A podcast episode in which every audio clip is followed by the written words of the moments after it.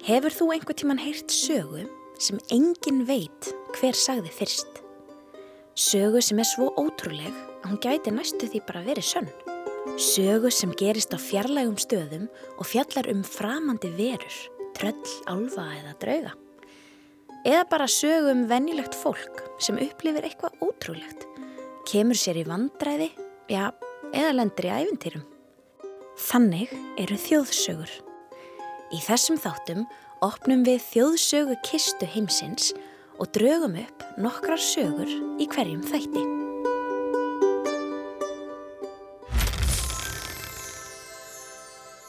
Fyrsta sagan er til í mörgum útgáfum frá mismunandi heimsálfum en við heyrum söguna eins og hún hefur verið sögð víða í Afríku. Sagan segir frá því hvers vegna skel skjaldbökunar er með sprungum í. Svo næsta er frá mið-Evrópu, Tjekklandi og Slovakíu. Hún segir frá því þegar svín og björn ákvaðu að hefja viðskipti og seldu fullt af kartöblum og gómsætum kleinurhingjum en voru ekki alveg nógu klók í viðskiptum. Síðasta sagan er hérðan frá Íslandi og fjallar um íllkvittnar eiginkonur sem blektu karlana sína til að reyna sanna hvor þeirra væri heimskari.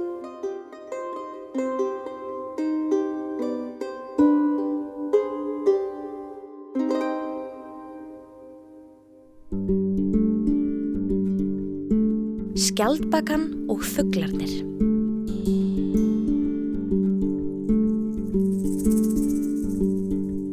Fyrsta saga þáttarins er til í mörgum mismunandi útgáfum frá mismunandi löndum enda eru þjóðsögur svolítið þannig.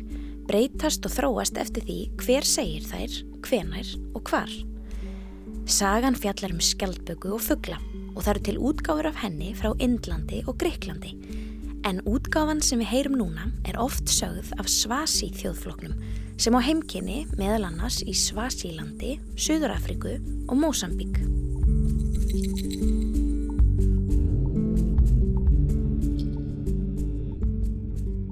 Veist þú hvers svona skjaldbökur er með sprungur í skelinni sinni? Það var vist ekki alltaf þannig. Skelin var einu sinni slétt og fín en samkvæmt þjóðsögunni lendi skjaldbakan eitt sinni í vandræðum og hefur borið sprungur á skelsinni alla tíð síðan. Hvað ætli hafi gerst? Hlustið vel. Einu sinni fyrir langalöngu voru ekki bara dýr á landi, í sjó og í loftin heldur líka fyrir ofan heiminin bláa sem við sjáum. Það voru eins konar förðu verur, skíaverur sem áttu heima fyrir ofan skíin. Ekkert dýr á landi eða í sjó hafði nokkru sinni séð þessar förðu verur, en það höfðu fugglarnir gert því þeir gáttu flóið til heimkynna þeirra. Fugglarnir sögðu hinum dýrunum frá þessum skíaverum sem voru svo undurgóðar og blíðar þó engin vissi hvaðan þær kæmu eða hvað þær héttu. Eitt árið var skelvilegur þurkur á jörðu niðri. Gróðurinn skrælnaði svo hvergi var hægt að finna safaríka ávexti, hnetur, ber eða næringaríka rætur til að borða. Vassbólinn þornuði líka upp svo bæði fugglar og landýr dóu næstum því úr hungri. Skíaverurnar fylgdust með því sem gekk á og vorkendu dýrónum rosalega mikið. Komið upp, öll sem hafið vangi og við skulum gefa ykkur að borða. En það er nóg til hér. Fuglarnir voru gladir að heyra þetta, en það gáti þeir auðveldlega að ferðast upp fyrir skíin. Þeir myndu sapnast saman á góðum stað og fljúa allir í einu. Þegar dágóður hópur fugla hafði sapnast saman, vantaði ennþá nokkra og meðan þeir byðu töluðu þeir hver ofan í annan, spendir yfir því að fá loksins visslu mat hjá skíaverunum góðu. Í næsta kletti byggu tvær skjaldbökur, Karl og Kvendýr. Þær voru orðnar nær dauða en lífi af hungri eftir þannan langa og hræðilega þurrk. Á sama tíma og fugglarnir söpnuðust saman fyrir ferðarleið upp fyrir skíin fór hvenn skjaldbakan út að leita eftir örlittlu matarbita. Karlinn hennar var heima og hlustaði á söngliði fugglónum. Allir vita að skjaldbökur geta verið bröðóttar og klókar. Því kemur það ekki ávart að skjaldbakan klöngraðist út úr hellinum og fór að spjalla við fugglana. Ó, ég vildi óska að ég væri með vangi eins og þið, góðu vinir. Geti ekki bara tekið mig með ykkur? Ég er alveg jægt svangur á þið. Skjaldbökukarlinn hugsaði með sér að ef skíaverurnar væru eins góðar og fugglarnir segðu, þá myndu þær vorkenna henni svo mikið að þeim væri alveg sama þótt hún væri engin fuggl og hefði enga vangi. Bara ef hún kæmist upp fyrir skíin. Við vildum óska þess að gætir komið með. Söðu fugglarnir. En þú ert of þungur fyrir okkur að bera og þú getur ekki flóið með hvorki vangi nýja fjæðrir. Æ, en ég er alveg að deyja úr hungri. Fugglarnir töluðu nú hver ofan í annan. Hvernig áttu þeir að hjálpa vesalingskjaldbökunni? Getum við ekki bara plokkað af okkur eina fjöður hver og sapna þeim saman í stóran bunga, síðan festu við þær á skjaldbökuna? Sagði einn fugglin. Þetta var áhugaverð hugmynd og kannski nógu galinn til að hún gæti bara virkað.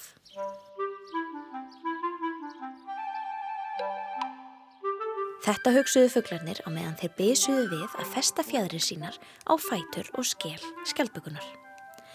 Fugglarnir gátti genna að þessari furðu veru sem var að taka á sér mynd, en voru líka svolítið forvitnir. Ætli hún geti flóið. Skjaldbökukarlinn blakaði vangjónum sínum hægt en öruglega og viti menn. Hann liftist upp frá jörðinni og áður en leiða löngu var hann farin að fljúa með fugglónum hátt upp fyrir skíin. Á leiðinni velti hópurinn fyrir sér hvernig hann ætti að útskýra þennan furðu fuggl fyrir skíaverunum. Hvað eigum við að kalla hann? Mörg nöfn komu til greina en þeir ákvaða lókum að hann skildi heita Öllsömul. En það átti að þýða að hann væri sameiningar tákn allra fugglana, sá stórkostlegasti af þeim öllum.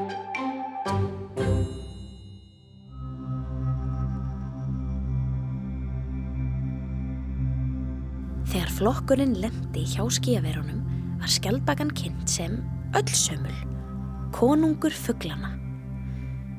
Skíaverurnar voru upp með sér að konungur fugglana skildi koma að heimsækja þær og hófu strax að undibúa fínustu veistlu. Loks var maturinn tilbúin og ljúfengar kræsingar voru borðnar fram á diskum og í skálum sem dreift var um allt. Skíaverurnar stóðu upp og tilkynntu yfir hópin. Þið hafið gengið í gegnum mikla raunir á jörðunniðri og hvorki fundið matinni drikk svo vikum skiptir. Nú er komið að því að þið fáið næringuna sem þið þarnist. Gjörið svo vel, öll sömul. Skjaldbakan sem heyrði nafn sitt let ekki bjóða sér tvísvar og hófst strax handa við að borða. Hún borðaði af diskonum, af skálunum, af fötum og upp úr tunnum, gleifti í sig allan mat sem hún sá og náði til.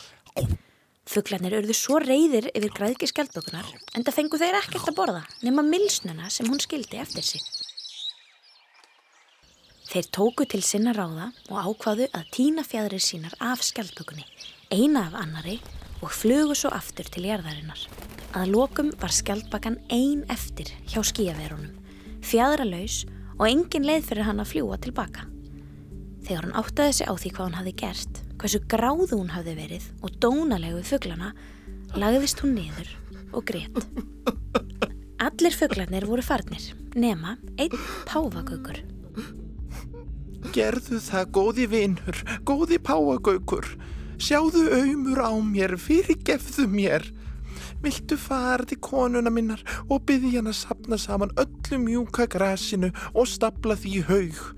Þannig get ég lenda á einhverju mjúku þegar ég hoppa aftur niður til jarðar. Þó páfagaukurinn væri enn svangur og jafn reyður út í skjaldbökuna og hinir fuglarnir, þá sagðist hann myndu fara með skilabóðin til skjaldböku konunar. Hann flög niður til jarðar en ákvað að kenna skjaldböku karlinum leksíu. Hann kæmist ekki svona auðveldlega upp með þetta.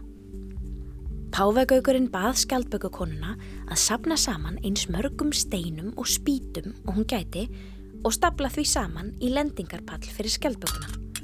Sú lét ekki segja sér það tvísvar og stuttu síðar stökk skjaldböku karlinn af stað. Lendingin var harkaleg. Þið getur rétt ímyndað ykkur. Fína slétta skél skjaldbökunar brotnaði í marga hluta og greri aldrei eins að fullu. Þessi ör, þessar sprungur á skél skjaldbökunar hafa fyllt henni alla tíð síðan. til að minna hana á daginn sem græðginn varð henni að falli.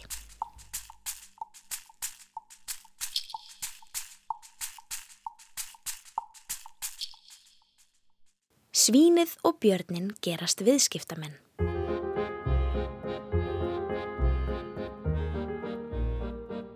Eitt sinn voru tveir vinir, Svín og Björn, sem ákvaðu að stunda viðskipti. Við munum græða fullt af pening. Hugsuðu þeir með sér. Svínið eldaði glás af kartöblum og Björnin stekti stóran haug af gyrnilegum kleinuringjum og skreitti þá með glassúri og öðru góðgæti. Síðan heldu þeir með vörur sínar á markaðinn. Þeir lögðu að eldsnemmaði um morgunin til þess að ná besta staðnum fyrir sölubásinn sinn. Þegar þeir komu var engin annar mættur. Það hafði verið kallt um nótina og sólinn hafði ekki náð að skína nógu lengi til að hita upp loftið. Byrninum var kallt á tríninu svo hann nefti að sér kápunni þar sem hann satt við kleinurringjastandin og beigð eftir fyrsta viðskiptavinni dagsins. Eftir nokkra stund hjælt hann yfir að kartöflistandinum til svínsins til að hlýja sér aðeins. Hvað kostar heit kartabla hjá þér? Hundrakall fyrir þig, vinnu minn. Sagði svínið. Björnin ætlaði sér ekki að kaupa neitt en áður en hann vissi af hafði hann seilst í vasan, dreyið upp hundrakall og rétt svíninu. Síðan tók hann stærstu kartöfluna úr standinum og fór með hana aftur í básinn sinn. Mmm, kartablan var svo heit að það raug enn úr henni.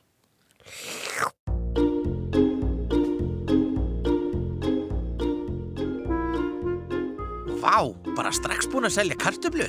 Þetta verður góðu dagur fyrir viðskipti. Hugsaði svínið, ánægt með sig. En það kom ekki fleiri viðskiptavinnir í byli og fljótlega fór svínið að hugsa með sér að það hafði ekki borðað neitt síðan við sólaruppbrás svo það röldi yfir að sölubás bjarnarins og keifti sér hindberja kleinuring fyrir hundrakall. Björnin var yfir sig ánægður að vera búin að afgreða fyrsta viðskiptavinn dagsins. Það er kannski best að ég fái mér aðeins meira að borða áður en viðskiptavinnirni fara að raða sér upp í langar byðræðir. Hann fór því yfir að kartöflubárnum og keipti aðra kartöflu af vinnu sínum. Þetta hlaut að hafa verið góðs viti því um leið og hann hafði borðað kartöfluna mætti til hans viðskiptavinur. Já, að sjálfsögðu svínið vinur hans sem keipti sér annan kleinuring. Stuttu síðar datt allt í dúna logn og engin viðskipti áttu sér stað, kvorki í kartöflu nýja kleinuringjastandinum. Björnin ákvað því að kaupa aðra kartöflu, sjá hvort að hefnin væri kannski með honum. Og viti menn, stuttu síðar kom svínið aftur og keipti kleinuring. Þá gætt björnin farið með hundrakallin sem hann vann sér inn og keift aðra kartöflu. Svínið kom aftur og keipti kleinuring og fljótlega voru þeir farnir að fara fram og aftur milli sölustanda þunga til þeir höfðu selt allt saman.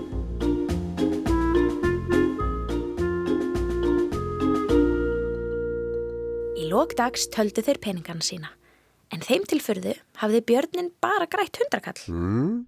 en svínið alls ekki neitt. Þeir trúðu ekki sínum eigin augum. Við höfum selt allan vertingin okkar. En grættum engan pening? Þeir töldu aftur og aftur og aftur og aftur en aldrei breytist neitt. Þeir áttu bara hundrakall eftir heilan dag af sölumennsku.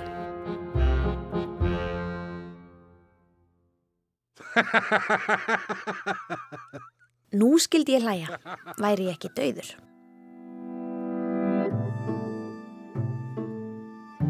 Einu sinni voru tvær konur að rífast um hvor þeirra ætti heimskari mann. Þeim tókst ekki að leysa ágreiningin með rifrildi svo þeir ákvaðu að leggja fyrir menn sína þrautir og sjá hvort þeir væru í raun eins heimskir og þeir virtust vera.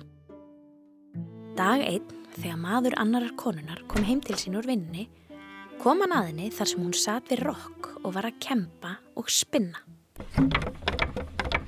En það skrítna var að hann sá enga ull. Var hann að spinna þráð úr engu? Þegar maðurinn sér þetta spyr hann konuna sína hvort hún sé nokkuð gengin að göblunum.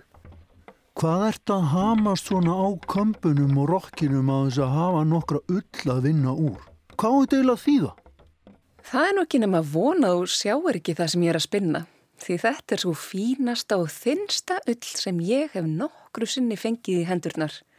Hann ætla ég að spinna í þráðu og vefa á þig fínustu klæði. Karlinn verður hissa, en segir svo Gott og vel. Síðan fylgist hann með konu sinni, hamast við vinnu sína og dáist að. Hún væri svo sannarlega besta handverkskonan af öllum. Hann hlakkaði mikið til að fá þessi fínu fött. Þegar konan er búin að þykjast spinna öllina, fer hún og þykist festa voðarefnið í vefstólinn. Svo þykist hún byrja að vefa. Maður hennar fylgist með af aðdáun. Hún hefur mjög gaman af þessu og þarf að berjast við að fara ekki að skelli hlæja. Þegar hún er búin að vefa, þykist hún taka klæðin og klippa þau til þess að geta saumað úr þeim flíkur. Þegar hún er búin að þessu öllu, beður hún mann sinn að koma og máta fötinn. Hún hjálpar honum að klæða sig í þessi þykjustu fött og þó hann stæði þarna alveg berrasaður þá trúðan því að hann væri nú klættur í þau allra fínlegustu og flottustu fött sem hann hafi nokkru sinni mátað og réð sér ekki fyrir gleði. Nú er að segja frá hinni konunni að þegar maður hennar kemur heim úr vinnu spyr hún hann að því hvers vegna hann sé á fótum. Manninum þótt þetta undarleg spurning. Akkur ætti hann að liggja í rúminu? Hann var ekkert veikur? Jú, kona hann sagði við hann að hann væri fár veikur og að langbest væri fyrir hann að fara upp í rúm. Hann trúði þessu öllu og fór beinustu leið í rúmið. Þegar svo lítill tími er liðin kemur kona hans inn og segir að nú sé best að hún saumi á hann líkklæði. En það eru fött sem fólk er grafið í þegar það deyr. Ha, líkklæði? Hvað óttu við, kona? Jú, hvað er þetta? Þú dóst í morgun og fljótlega koma hér menn til að smíða utanum þig líkistuna. Maðurinn er steinhissa og skilur hvorki uppni niður en liggur eins og dauður maður í rúminu þar til kistan er tilbúin. Síðan ákveður konan greftrunnar dag, skipilegur jarðaför og býður henni koninni, vinkonu sinni og manni hennar í jarðaföruna. Kona dauðamannsins hafði látið gera glugga á líkistuna öðrum einn svo hann geti fylst með því sem framfæri í jarðaförunni. Þegar jarðaförin er rétt að hefjast, mæta hinn hjónin og hafði maðurinn þá að sjálfsögðu klætt sig í fallegu föttin sem kona hans hafði nýlokið við að sauma á hann. Hann lappar að fólkinu kvig nakin og býður eftir að allir hrósi sér fyrir smágerðu og fínlegu föttin.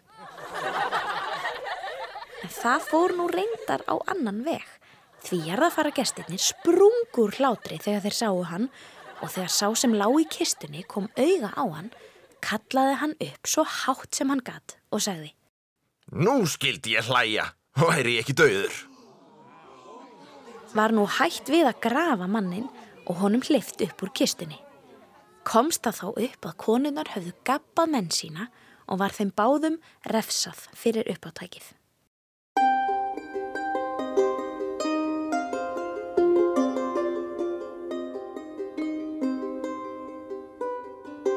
Þá er komin tími á að loka þjóðsögukistin í byli.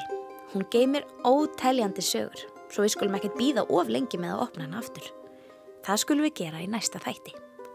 Ef þið langar að hlusta þennan þátt aftur, getur þú fundið hann og marga fleiri á krakkarúf.is, í Rúf appinu og öllum helstu hlaðarp sveitum. Þanga til næst, takk fyrir að hlusta.